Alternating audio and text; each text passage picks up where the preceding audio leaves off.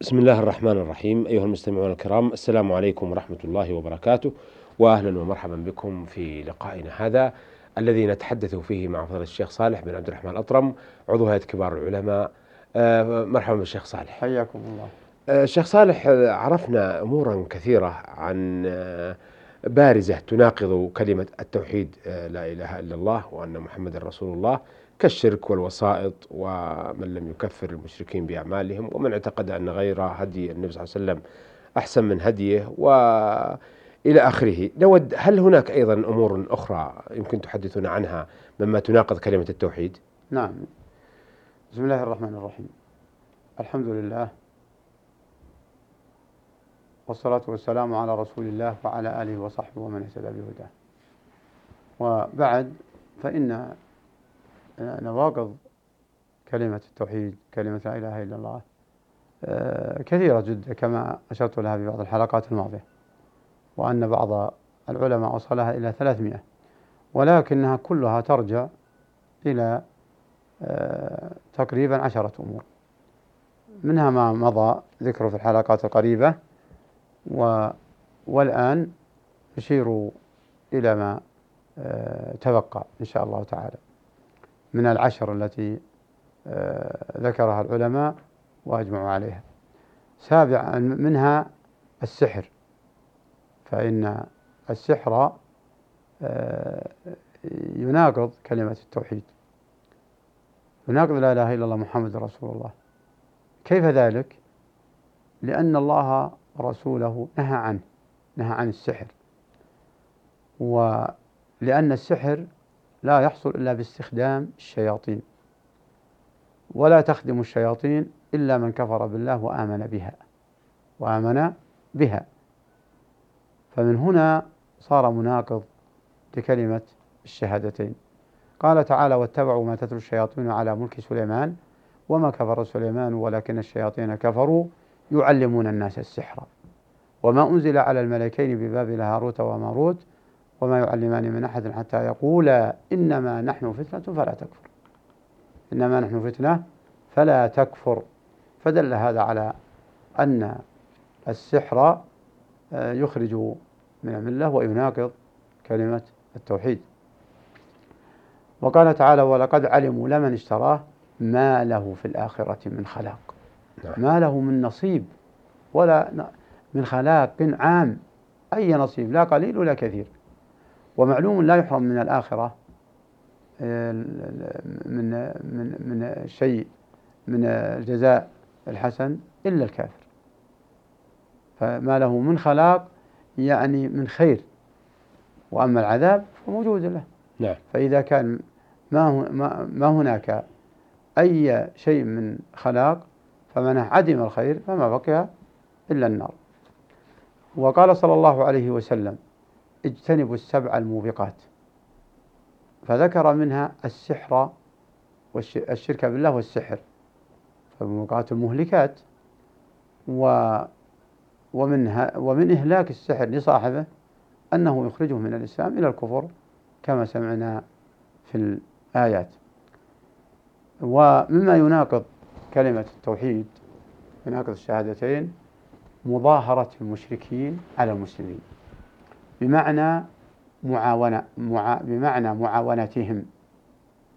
فيعين المشركين على المسلمين ويخذل المسلمين يخذل المسلمين ويظهر عجزهم عند المشركين واحتقارهم واحتقارهم.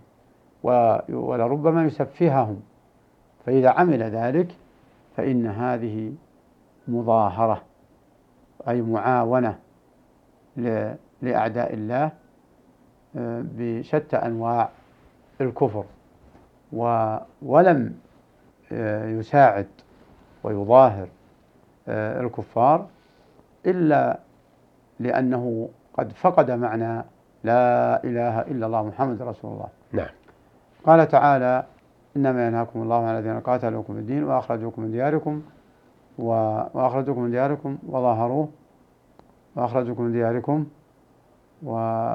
وظاهروا على إخراجكم وأن تولوهم. ومن يتولهم فأولئك هم الظالمون. يعني عاونوا على إخراجكم من دياركم. فالمظاهرة قد تكون بإعانة المشركين على إخراج المسلمين من ديارهم. وقد تكون بمعاونة المشركين لقتل المسلمين. وقد تكون بمعاونة المشركين لخذل آه، المسلمين وذلهم أن تولوهم. فلا تتولوا من كانت هذه صفتهم. وما نهى الله ولم ينهى الله عن توليهم وعن توليهم إلا لأنهم باينوا الإسلام. ولهذا قال ومن يتولهم فأولئك هم الظالمون. إذا ما داموا وما داموا ظالمين احذروهم. ولا تتخذوهم تتخذوا فيهم موالاة فمظاهرة المشركين على المسلمين خطر عظيم. ينافي كلمة آه، لا إله إلا الله محمد آه، رسول الله. هذه هذه مظاهرة آه، المشركين. وقال تعالى يا أيها الذين آمنوا لا تتخذوا اليهود والنصارى أولياء. بعضهم أولياء بعض. ومن يتولهم منكم فإنه منهم. إن الله لا يهدي القوم الظالمين. ومما يناقض كلمة التوحيد كلمة لا إله إلا الله محمد رسول الله آه، أن يعتقد المسلم آه، الذي يدعي الإسلام بأنه يسعه الخروج عن شريعة محمد وعن دين محمد عليه الصلاة والسلام. فإذا اعتقد أنه يسعه الخروج فقد خرجت منه كلمة التوحيد وهي لا إله إلا الله محمد رسول الله. فالمسلم لا يصح منه هذا الاعتقاد.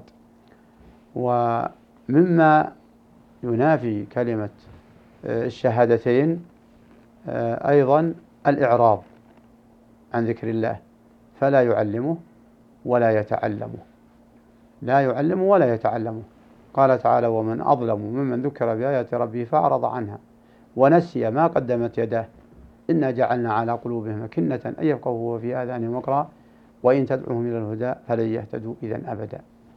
وقال تعالى ومن أعرض عن ذكري فإن له معيشة ضنكا ونحشره يوم القيامة أعمى. قال ربي لما حشرتني أعمى وقد كنت بصيرا. قال كذلك أتتك آياتنا فنسيتها وكذلك اليوم تنسى فليحذر المسلم عن الإعراض. لا تعرض يا أخي عن كتاب الله. لا تعرض عن سنة آه، رسول الله. لا تعرض عن أركان الإسلام. لا تعرض عن أركان الإيمان. لا تعرض عن أركان الإحسان. عن أركان الإحسان. وتأمل دائما سورة الفاتحة. وأي آية تقرأها من القرآن. تأملها. فإن فإنك ستجد كل آية تدلك على الخير وتحصنك آه، عن شرور الشيطان وعن مكائده وأعوانه.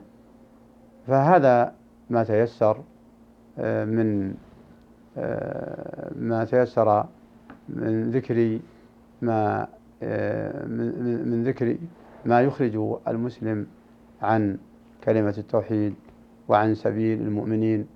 ونسأل الله السلامة عن الخروج عن سبيل المؤمنين.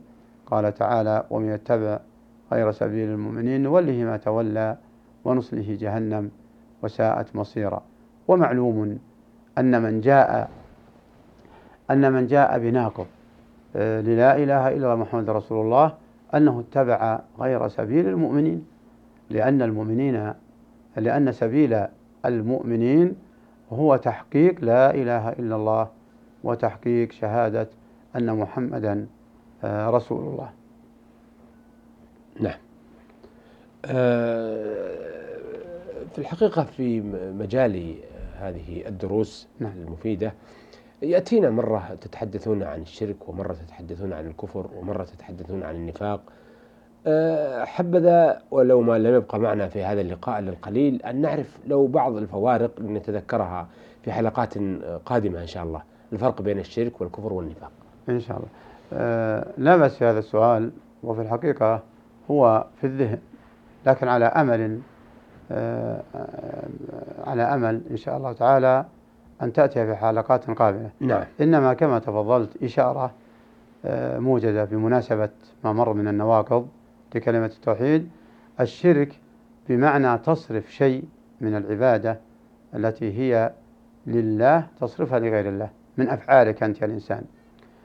وهو, وهو كفر. والكفر قد يكون بغير ذلك قد يكون بجحد شيء مما لا يصح جحوده. وقد يكون ببغض ما جاء به الرسول. هذا يعد كفر وهو لا ولا, ولا يعد آه، شركا لأنك ما عبدت ما ظهر منك عبادة لغير الله بركوع أو سجود أو نذور أو ذبح. هذا المصطلح. فلهذا آه، آه، كل كفر شرك وليس كل كل شرك كفر. وكل كفر ليس بشرك بمعنى أنه لم يصرف شيء من العبادة لكن كفر بأسباب أخرى. نعم. فبينهما عموم وخصوص.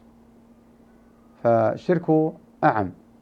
هذا إشارة إلى آه، بعض الفروق وسيأتي له كلام إن شاء الله. إن شاء الله. آه، النفاق هو الكفر المضمر في القلب وظاهره مع المسلمين. هذا النفاق ظاهره مع المسلمين. لكن معتقده مع الكفار ومع المشركين ومع الشياطين. هذا الفرق آه، بينهما. نعم. نعم. شكرا أثابكم الله. بهذا نأتي أيها الأخوة إلى نهاية لقائنا هذا الذي تحدثنا فيه مع فضيلة الشيخ صالح بن عبد الرحمن أطرم عضو هيئة كبار العلماء. شكرا لفضيلته وشكرا لكم أيها الأخوة وإلى أن نلتقي بحضراتكم نستودعكم الله والسلام عليكم ورحمة الله وبركاته.